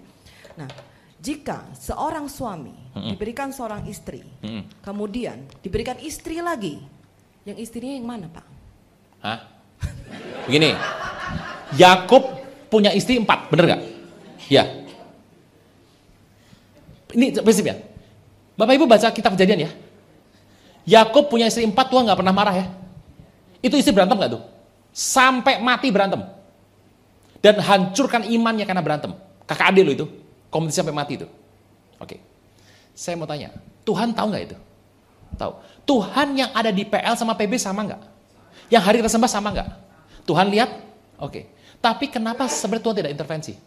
Di Alkitab kita harus melihat bukan hanya yang namanya Tuhan itu bicara apa tidak, tapi Tuhan tuh kasih sinyal. Dari sinyal itu ketahuan. Hati Tuhan tuh maunya apa? Contoh, Anda kalau sayang sama orang, Anda mungkin nggak tegur langsung, tapi menunjukkan sinyal, bener nggak? Kasih sinyal gitu loh. Bahwa Anda tuh nggak suka yang ini. Tapi kan Anda nggak mau nyakiti hati dia. Istri itu tahu. Kalau saya udah ngomong A, istri pasti dukung saya, pasti. Karena kita sepakat di rumah tangga. Anda tanya sama istri saya sama saya, pilih. Anda tanya sama saya, jawaban saya A, dia pasti A. Anda tanya sama dia, dia sudah ngomong A, saya pasti A. Nggak bakal dua. Dari mana saya nyontoh ini? Dari Bapak Gembala kita, Pak Niko. Pertanyaan gini saja. Kalau istri saya, saya tahu nih, ini dia bilang ngikutin saya nih. Bukan karena dia mau, karena ketundukannya sama saya. Saya berusaha ngertiin. Saya akan ngomong sama dia lagi. Kamu nih mau lakukan ini karena kamu tunduk sama saya atau kamu mau? Ya karena tunduk. Belum mau, belum, tapi tunduk. Ya kita ngobrol lagi. Nangkap ya? Tuhan kadang-kadang tidak bicara langsung, tapi sinyalnya tolong ditangkap. Saya mau tanya. Di Gua Makpela di Hebron, nama Hebron adalah tempat dikuburkannya empat jenderal Tuhan plus istrinya. Yang dikubur pertama adalah Adam sama Hawa. Abraham sama Sarah, Ishak sama Ribka, yang terakhir Yakub sama siapa? Lea. Bukan Rahel. Lea. Kenapa Lea? Tuhan menghormati yang pertama. Baca di firman Tuhan, Daud kurang hebat apa? Daud tuh hebat luar biasa. Setiap kali nama Bathsheba disebut, Alkitab tidak pernah lupa. Dan Daud mendapatkan Salomo dari Bathsheba, koma, istri Uriah. Matius kita buka, yuk kita buka sebentar Matius. Oh, saya bacakan ya ayat 6. Silsilah Tuhan Yesus Matius 1 ayat 6. Isai memperanakan Raja Daud, Daud memperanakan Salomo dari istri Uriah. Setiap kali nama Bathsheba disebut setelah peristiwa itu, kita berkata adalah Bathsheba, istri, bukan istri Daud. Sah nggak sama Daud? Sah banget. Tapi kenapa diambilnya adalah Uriah? Di mata Tuhan, yang sah yang pertama. Jangan khawatir, Tuhan pro istri pertama. Jangan bilang amin loh, ketahuan nanti. Tapi saya harus bilang. Tuhan nggak bilang, bunuh yang kedua jadikan aku yang keempat. Oh, gimana mau berhasil yang keempat? Mau keempat, Tuhan nggak, Tuhan nggak begini loh. Oh, ini pelakor ini. Ini tahu pelakor ya? Itu. Ada pebinor, ada pelakor. Ah, nggak jelas semuanya. Yang nggak tahu tanya sama yang tahu nanti pulang. Ini pelakor. Bu, kurang ajar ini. Ah, jebret, jebret. Kita nggak punya Tuhan seperti itu. Kasih Tuhan itu jangan dipakai mainan. Kasih Tuhan itu ada kebijakan dia untuk sebuah keselamatan masa depan. Karena kasih Tuhan dirangkum dalam apa? Kematian Tuhan Yesus. Akibatnya apa? Tuhan mau beritahu. Yakob itu sah hari itu. Belum ada hukum yang mengatur soal satu. Istri satu kan yang ngatur siapa? PL. Eh sorry, PB. Siapa PB? Paulus. Paulus nikah nggak? Nik, eh Paulus nikah. Paulus pasti nikah. Karena dia anggota Sanhedrin. Sanhedrin pasti nikah. Cuma Paulus waktu dia nikah sama istrinya, istrinya meninggal, dia nggak kawin lagi. Rasul yang lain istri meninggal kawin lagi, Paulus tidak. Makanya Paulus bisa nulis soal kasih sama istri. Kenapa? Karena Paulus itu menikah. Dia Sanhedrin. Anggota Sanhedrin pasti menikah. Kalau nggak nikah nggak bisa anggota Sanhedrin. Nah, jadi kalau ditanya, yang Tuhan pro yang mana? Pro yang pertama. So jangan anggap remeh yang pertama. So, kalau Anda misalnya nih, Anda sudah nikah sama istri pertama, karena ketidaktahuan, karena masalah juga iman kurang segala macam, Anda pisah, jar pisah gitu ya, pisah. Dapat yang kedua kan? Ya toh, masuk nggak dapat yang kedua, masuk sendirian. Yang pertama aja berani lepas, apalagi yang kedua kan? Dapat yang kedua. Ini gimana yang kedua nih? Alkitab, ini saya harus cerita satu hari, saya akan cerita panjang mengenai konsep pemikiran ini. Alkitab berkata, hubungan Anda yang pertama harus jaga. Kenapa? Because Anda Kristen. Harus jaga Kristen. Sama dua bisa langgeng nggak? Nggak langgeng juga. Wah, lepas dulu yang kedua. Anda lihat dulu. Terus yang pertama bagaimana? Masih mau balik nggak? Kecuali yang pertama bilang gini, gak sudi lihat mukamu. Ya sudah, jangan ngadep rumahnya lagi, ketok-ketok tiap hari. Kan gak sudi lihat, dilempar batu malah susah nanti. Nah, bisa, bisa tangkap hari ini ya. Hati Tuhan tetap yang pertama. Jadi yang pertama dia bilang, tapi yang pertama nikahnya nggak di gereja. Eh, eh, eh, eh, aki. Pernikahan itu milik Tuhan. Nggak ada hubungannya sama di gereja yang tempat lain. Saya mau tanya, emang di PA nikah di gereja? Kalau Anda mau bilang sama saya nikah yang sah di gereja, saya mau tanya, yang di PA nikah di gereja semua? Tidak. Tapi Tuhan menghormati itu luar biasa. Nah, anggap ya? Jadi don't worry. Tuhan tuh proses yang pertama. Amin, amin, amin, amin, amin, amin. Sip, bisa ya. So kalau Anda jadi yang pertama, saya boleh tahu, Anda punya hak itu minta sama Tuhan. Saya ini punya teman. Dia sama istrinya pergi ke Amerika. Berantem besar. Akhirnya apa? Berantem.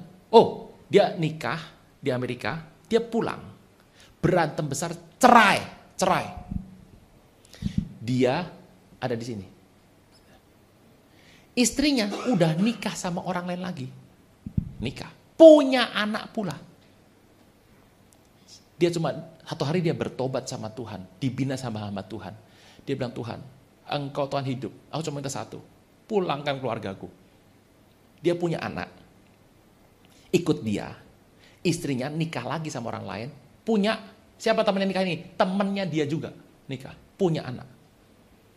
Tiba-tiba ini berantem besar, pisah anaknya, perempuan itu, ikut sama istrinya, mantan istrinya.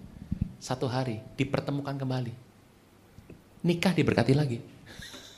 Jadi dia bilang, Pak, saya bersyukur sekali pengen punya anak perempuan. Punya anak perempuan sekarang. Anak saya laki dua, anak perempuan saya dari yang itu.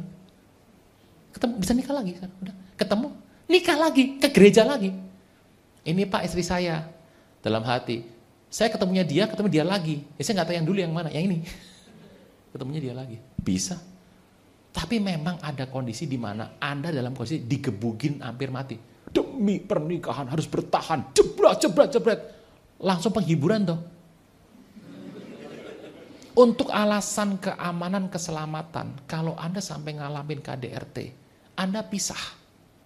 Saya nggak pernah bilang suruh cerai, pisah, bertarak. Pisah itu diperbolehkan kitab. Bertarak tuh sementara waktu. Demi apa? Kenye keselamatan. Muka udah biru semua. Demi iman.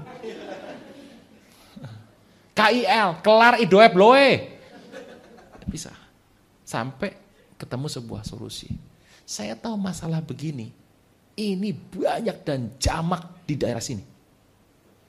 Start harus benar dulu. Kalau sudah jalan, ya risiko.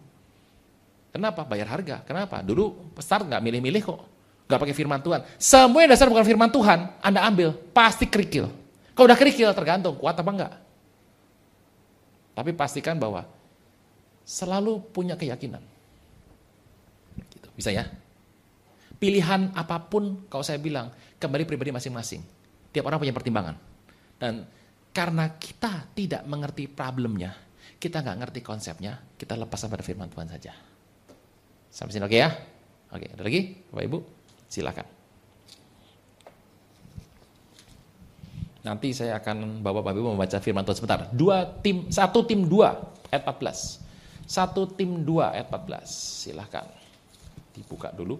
Ada depan? 1 Timotius 2 ayat 14. Kenapa sih perempuan itu harus ada dalam tudung laki-laki? Bukan ada yang tergoda, melainkan Terus ayat 15. 15. Tapi perempuan akan diselamatkan karena eh, ibu-ibu uh, tahu ya, melahirkan anak itu penyelamatan jiwa. Pernah dengar nggak ada kista kalau melahirkan sembuh? Ya. Sakit apa nih dok? Eh, kista nih gampang, lahir aja nanti sembuh sendiri. Saya baru kaget tuh, penyembuhan yang namanya model tumor sembuh hanya karena kelahiran. Ini ayatnya ada tuh. Asal bertekun dalam iman, kasih dan pengusaha dalam segala sederhanaan. Makanya upgrade. Dan upgrade gak ada hubungannya sama agama. Istri saya backgroundnya itu bukan orang Kristen. Dan dia pengen jadi Kristen, pengen jadi bukan Kristen lah, pokoknya nyembah Yesus aja. Dan nggak bisa kan orang tuanya bukan penyembah Tuhan. Dan susah sekali untuk dia menyembah Tuhan. Dia nggak tahu caranya gimana. Jadi dia pusing gitu. Dia cuma dapat dari sekolah kadang-kadang. Tapi satu malam dia pernah ngomong gini, Tuhan, boleh nggak aku minta satu aja sama Tuhan. Aku pengen punya suami itu pendeta. Dia tuh berharap, bukan pendeta, suami yang bisa ngajarin dia soal Tuhan Yesus. Itu aja. Keceplosan pendeta.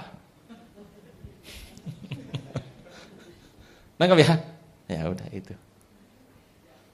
Nah, kalau anda lihat ceritanya ya happy ending lah gitu lah pokoknya. Bisa ya sampai sini. Jadi prinsip-prinsip ini jangan ditambahi, jangan dikurangi. Kalau ditambah dikurangin, nanti ada risiko pasti dalam kehidupan kita.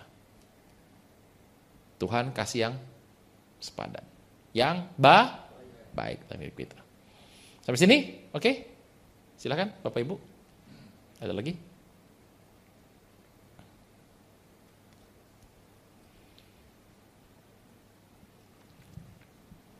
Ya. Itu kalau tanya kebongkar pak.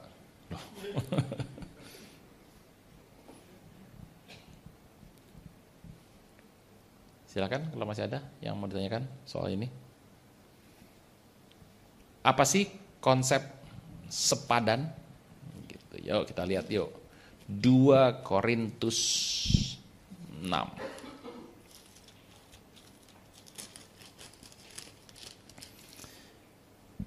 Jangan ada noda kekafiran. Ayat 11. Siapa sih orang yang kamu kita nikahi yang tidak sepadan yang tidak boleh di Alkitab? Ayat 14. 2 Korintus 14. Jangan kamu merupakan pasangan yang tidak apa? seimbang. Gini ya, ini bukan masalah gereja loh. Si pria percaya bahwa yang namanya dipermandikan baptis itu selam. Yang wanita percayanya sembur dukun. Itu udah gak seimbang loh itu. Gitu. Jangan merupakan pasangan tidak seimbang dengan orang tidak percaya. Jadi pastikan itu orang percaya. Dan kita ini kadang-kadang lihat percaya hanya karena dia ke gereja, pakai kalung salib besar. KKJ-nya lengkap, dan dia punya WA grup pendeta-pendeta kan gitu. Nggak ada hubungannya orang percaya dengan itu. Sebab makanya penting setelah Anda belum menikah, buka mata lebar-lebar, periksa. Buka mata lebar-lebar, periksa dengan cermat setelah menikah, tutup mata, rapat-rapat. Jangan pas sebelum menikah, rapat, begitu buka mata, buka mata gede-gede, repot. Sebab persamaan apakah terdapat antara kebenaran dan kedurhakaan? Nomor satu, Siapa orang gak seimbang ini? Durhaka. Apa arti durhaka? Tidak mengerti tatanan. Dua. Bagaimana terang bersatu dengan gelap? Tanya, lihat hobinya. Gelap apa terang? Kadang-kadang perginya ke tempat terang-terang, gelap-gelap, gelap-gelap, terang, gelap, terang, terang, gelap, gelap, gelap, terang. Ngerti toh? Yang lampunya jebret, jebret, jebret, jebret. Nah, itu gelap terang, gelap terang. Persamaan apa yang terjadi antara Kristus dan Belial? yaitu penyembah berhala. Apa bagian bersama orang yang percaya dan orang tidak percaya? Apa hubungan bait Allah dengan berhala? Karena kita adalah bait Allah yang hidup menurut firman Allah ini. Jadi cari orang yang percaya. Buka periksa. Saya waktu mau menikah, saya cek bener loh. Saya ini suka baca firman, saya tanya, udah baca firman berapa kali? Aku lagi jalan dua. Uh, kalau aku bawa ke kom kan harus kom. Gimana? Boleh nanti aku tolong jemput ya pulang kantor ke kom. Satu, ketemu orang tuanya, ngobrol. Biasanya kan mertua yang ngobrol sama menantu. Ini beda. Cari mertua, hati-hati zaman sekarang. Cari besan, hati-hati. Cari menantu, hati-hati. Diperiksa, cek semuanya. Utangnya ada nggak? Oh saya punya seorang rekan, anaknya cantik luar biasa, dinikahkan sama temennya pengusaha. Saya nggak salah, tapi dia pengusaha Kristen. Kristen apaan kayak gitu saya bilang. Ya tapi kan minimal orang tuanya kaya. Ya jadi pokoknya anak saya bisa lah hidupnya pokoknya enak lah. Abis menikah tujuh, empat, enggak sampai, tujuh, enggak sampai tujuh bulan kali. Tujuh bulan menikah baru ketahuan. Ternyata itu anaknya punya utang 7 miliar. Seserahan bapaknya habis semuanya. Waduh, pusing dia. Gimana nih Pak? You bilang kan bapaknya kaya, bapaknya bayar. Itu dia masa bapaknya utang di bank 20 miliar. Itu, itu berapa tahun yang lalu udah lama. Wah saya bilang gimana nih Pak? Apa saya sama anak saya saja Pak ya? Udah kita pisahkan saja. Saya bilang gak usah pendeta yang ngomong, ingat tuh mantan presiden, lanjutkan. Kalau sudah begini, apa pun keputusannya berat. Kenapa? Enggak periksa. Kalau sudah diperiksa detail, tiba-tiba salah, is okay. Anda sudah do yang baik gitu. Tapi kalau main enteng-enteng-enteng saja, repot ini. Sampai sini oke? Okay?